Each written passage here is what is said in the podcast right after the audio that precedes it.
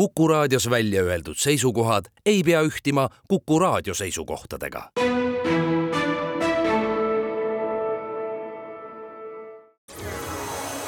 loodusajakiri, vaata ka looduseajakiri.ee. tere kõigile raadiokuulajatele, Loodusajakiri alustab, täna on saates külas lambakasvataja El Sellis, tervist tere! kas see oli õige määratlus või oleks pidanud ütlema ametlikumalt Eesti Lamba- ja Kitsekasvatajate Liidu juhatuse liige?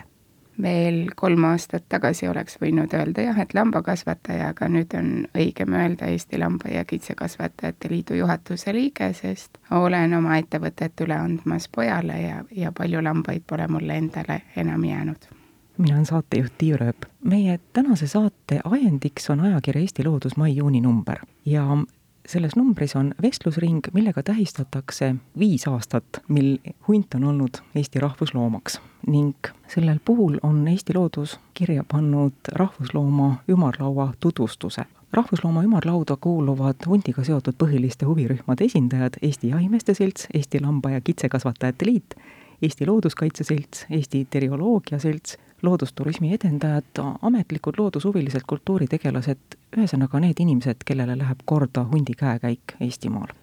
rahvuslooma ümarlaud on koos käinud alates kahe tuhande kaheksateistkümnendast aastast. mulle tundub, et inimesed ei tea suurt midagi sellest, et meil on olemas rahvuslooma ümarlaud ja et ta ka koos käib. miks see nii on? Jah, sellele on raske vastu vaielda, võiks öelda, et selline rahulik arutelu ja läbirääkimine ja, ja kompromisside ja ühisosa otsimine ja teiste huvidega arvestamine, et see ei müü ühiskonnas. et palju rohkem leiab kõlapinda see, kui keegi on väga tugevalt millegi vastu, aga kui keegi püüab konflikti lahendada rahumeelsel teel, siis, siis see ei ärata nii tähelepanu. Meie seal Rahvuslooma ümarlauas teame ja arvestame sellega, et, et hunti ja inimese ellu on nagu sisse kirjutatud juba konflikt. ei saa olla, et hunt hakkab taimtoiduliseks, nagu see ei ole võimalik, see on loodusseadus. sellega peab arvestama, et kui ta vahepeal ka mõne muuluka ha haukab, siis päriselt ta otsib ikkagi liha ja meil lambakasvatajatel ja ka kitsekasvatajatel, keda meie liit esindab, on liha pakkuda ja see on õues. Ja hunt ei ole rumal loom, ta on inimese kõrval ellu jäänud ja, ja jääb võib-olla loodetavasti edasi ka, et lambakasvatajat suust on seda muidugi natukene raske mõnel inimesel kuulda, et on, on nagu hea ja õige, et hunt Eesti looduses elab ja tegelikult tuleb ausalt öelda, et Eestis on mõned asjad, mida me ei peaks välismaalt minema õppima, vaid mida me peaks julgemalt piiri taha müüma. Ja see üks edulugu, millest me sageli vaikime, on see, et meil on kogemus ja tarkus elada koos suurkiskjatega, me ei ole neid siin riigis vahepeal täiesti olematuks maha tapnud, võib-olla meie looduslik paiknemine või geograafiline asend aitab sellele kaasa, aga meil ei ole nii, et hunt on ainult looduskaitsealal ja lammas linnas, et nad ei puutu kokku. meil on nii, et, et äh, hunt elab Eestis, suurkiskjad elavad Eestis ja meie maainimesed elavad ka Eestis, sealhulgas lambakasvatajad, ja sellesse kooselamisse on konflikt sisse kirjutatud. Loodusseaduste alusel, mida inimene ei saa muuta, on sinna konflikt sisse kirjutatud. Ajakirjas Eesti Loodus meenutatakse seda aega, kui hunti valiti rahvusloomaks ja seal on kirjas ka see, et väga oluline oli Lamba- ja Kitsekasvatajate Liidu juhatuse liikmed El Sellis ja Ants Kuks nõusse saada. ma ei tea, kui lihtsalt see läks, aga teile delegeeriti, kui teid oli nõusse saadud, et hunt võiks olla meie rahvusloom, siis delegeeriti teile ülesanne ka teistele lambakasvatajatele see selgeks teha. oli see üks keeruline ettevõtmine? noh mine sa rääkima lambakasvatajale, et et armasta hunti, seda linnainimesed püüavad vahel teha. meie, meie, meie ei armasta hunti, meie teame, et hunt elab looduses ja meie elame ka maal. see on meil üks elupaik ja sa pead oma elupaiga eest seisma. ja teiste lambakasvatajatega rääkides, et ma arvan, et kõigepealt üldse võeti Antsuga ühendust ja minuga võib-olla natuke mõni, mõni päev hiljem ja sellel hetkel ma tundsin, et mul polegi nagu õigust kaasa rääkida. et hunt ei olnud minu karjas käinud, ma olen oma kodupaigas hunti näinud, olin näinud, aga hunt ei olnud selle ajani minu karjas käinud. nüüd ta on minu karjas ka käinud pärast seda, kui ta rahvusloomaks valiti ja lambaid murdnud. aga elu on mind selles osas hoidnud Ants oli õigem mees, kellega rääkida ja tema nõusolek oli mulle väga oluline, sellepärast et ähm, tema lammastel on huntidega palju tegemist olnud ja ta on leidnud viisi, kuidas rahumeelselt koos edasi eksisteerida, lugupidavalt huntidesse suhtudes. Ja kui Ants oli nõus, siis minu põhiline argument oli see, et rahvuslooma valimisel seal taga oli mittetulundusühing ja inimesed, kes tahtsid asjaga tegeleda, Eesti Lamba- ja Kitsekasvatajate Liit on ka mittetulundusühing. Ja ma nagu hindan väga mittetulundusühingut, kus on plaan, kus on inimesed, kes tahavad tegutseda ja müts maha nende ees, et nad märkasid, algatajate ees, et nad märkasid, et meie oleme nii-öelda puudutatud sektor või osapool hundi suhtes ja et nad meid kaasasid. teised lambakasvatajad, noh, teised lambakasvatajad, nendega on lugu nii, et et meie liit ju valib endale juhatuse iga kolme aasta tagant, see on demokraatiline protsess valimised ja siis juhatus edaspidi esindab Eesti Lamba- ja Kitsekasvatajate Liitu ja meie liikmeid ja on välja tulnud ka nii, et sektori huve laiemalt. ja siis oli oluline alguses saada juhatuse poolehoid ja pärast me arutasime üldkoosolekul, aga nii palju muid küsimusi oli ka, et, et ega sealt suurt vastuseisu ei tulnud, meil oli muidu ka tegemist ja kõik lambakasvatajad teavad, et Eestis elab hunt ja kõik lambakasvatajad soovivad, et hunt elaks nende lambaaia taga, mitte sees. Eesti Looduse artiklist jäi mul enam kui korra silma see, et meie looduskaitseseadus vajab korrastamist ja seegi, et seda korrastamist võiks läbi viia nii, et arvestatakse lambakasvatajate soovidega. millised on teie soovid, mis muudatused võiksid tulla looduskaitseseadusesse? ma sain selle küsimuse ette teada ja mõtlesin, et proovin seekord niimoodi, et ütlen ausalt, ma ei ütle teile seda, mida me tahame looduskaitseseaduses muuta. miks ei ütle? sellepärast, et äkki nii tuleb veel suurem huvi selle vastu, mis tegelikult meie muudatuse sisu või huvi on. alustaks sellest, et selle ümarlaua üks esimesi väljundeid oli see, et kui me niimoodi siin Eestimaa looduses suurkiskjatega koos elame ja loodusseadustest on konflikt sisse kirjutatud, et kas siis saaks seda kuidagi riiklike vahenditega leevendada, sest me ju ka müüme Eesti riiki kui mitmekesise loodusega ja, ja väga hea elurikkusega riiki. ja kiskjakahjusid ju lambakasvatajatele kompenseeritakse.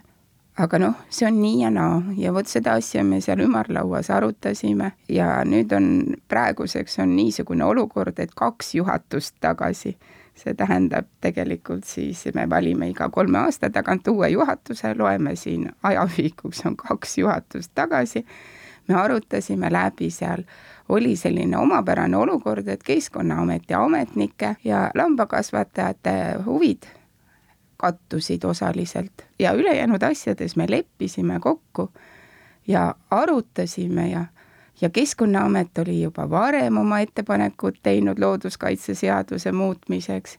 Ja rohkem kui ühe korra, siis me mõtlesime, et me lähme neile appi. Ja siis me läksime appi ja mitte midagi välja ei tulnud sellest asjast.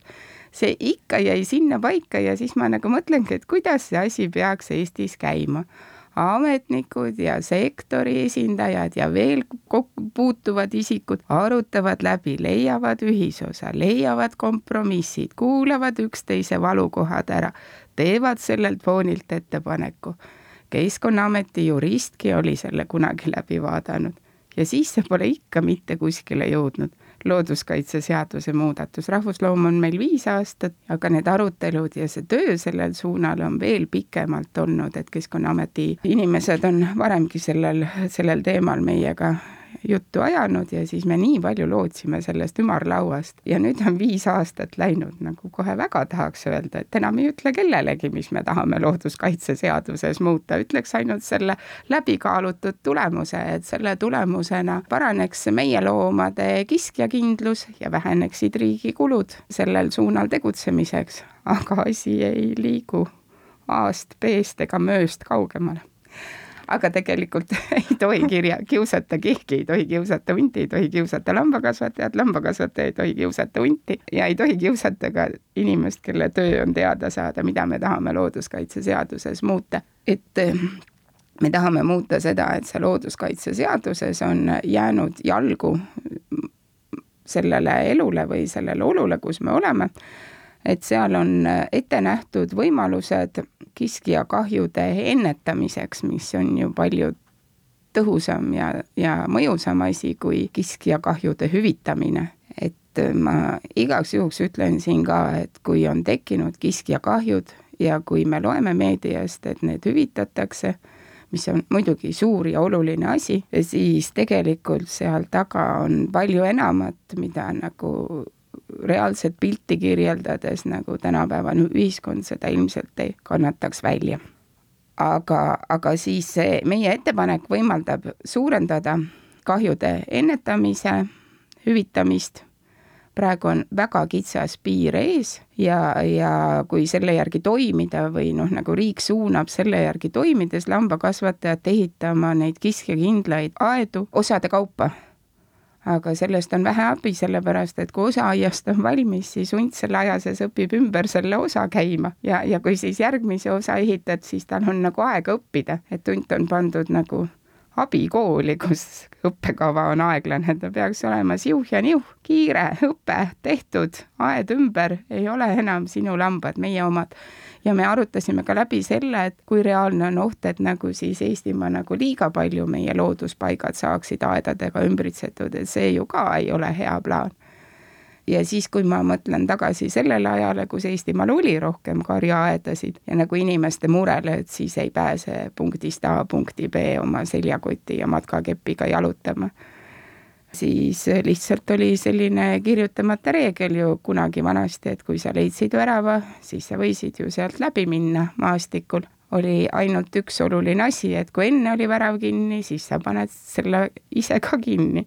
ja kui see värav oli enne lahti, et kari saaks kahes koplis käia, siis sa palun jätad selle värava pärast ka lahti aga no kuna me oleme selle reegli natuke ära unustanud, siis võib-olla jaa, nende väravatega võib natukene raskusi tulla ja see eelkõige puudutabki seda natukene lambakasvataja omavastutust, mis on siis meiepoolne kompromiss ja teiselt poolt siis suuremat võimalust kiskjakindlate aedade või kiskjatõrjemeetmete hüvitamiseks. praegu on seal väga väike, väga madal rahaline piir ees, mis on looduskaitseseadusesse kirjutatud ühelt poolt ja teiselt poolt nagu väga,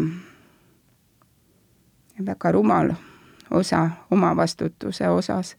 ehk et äh, keskkonnaametnikud teevad tublit tööd, kui nad leiavad võimaluse ka selle ühe lamba kompenseerimiseks, mis hundi kõhtu on läinud. et äh, see, see, see ei ole lihtne, sest omavastutus on enam-vähem ühe lamba suurune ja kui on niisugune tubli ja terve hundikari, kes võtabki ühekaupa, siis, siis kuigi ette on nähtud, siis omavastutus on täpselt nii suur, et lammas mahub sinna sisse. et see omavastutuse osa peaks seal olema ka paindlikum ja meie sektor oli sellega nõus. ja nüüd me olemegi natuke solvunud, et keegi ei hinda seda, et meie oleme nõus omavastutusest rohkem aru saama ja mõistma, mis sellega on, ja ikka asi ei liigu edasi ja me ei saa aru ka, et mis puu taga ta kinni on. küsin uuesti üle kuidas selle looduskaitseseaduse muudatusega siis täpselt on? täpselt on nii, et meie looduskaitseseadus on juba praegu väga hästi ja juba praegu palju parem kui paljudes teistes Euroopa Liidu liikmesriikides ja võimaldab kompenseerida kiskjakahjusid. nii et kui teistel kolleegidel teistes Euroopa Liidu liikmesriikides on mure, siis, siis meil seda muret kohati ei ole. aga valesti on see, meie muudatusettepaneku sisu on niisugune, et praegu on looduskaitseseaduse paragrahv kuuskümmend üks lõige üks punkt viis ütleb, et hundi tekitatud kahjud hüvitatakse vastavalt kahju kannataja taotlusele summas täies ulatuses, saja protsendi ulatuses ja sellest arvutatakse maha omavastutuse summa kuuskümmend neli kuni sada kakskümmend kaheksa eurot. Ja selle koha peal mõni meie väga tubli lambakasvataja, kes oma lambaid väga armastab, ütleb, et no mis temas, sada eurot kindlasti mitte, mul ikka rohkem lemmiklooma ja seltsilise eest.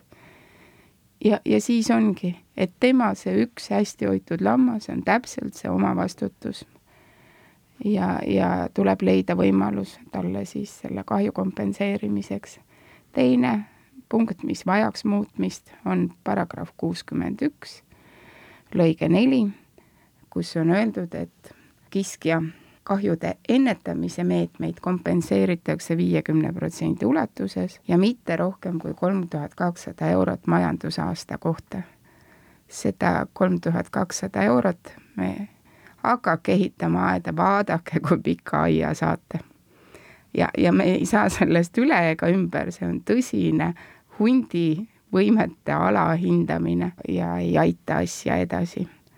kiskjakahjude ennetamise kompenseerimise võimaluse parandamine võimaldaks paremini ka riigil planeerida sellesse valdkonda minevat raha ja kindlasti oluliselt vähendada kiskjakahjude kompenseerimiseks kuluvat raha.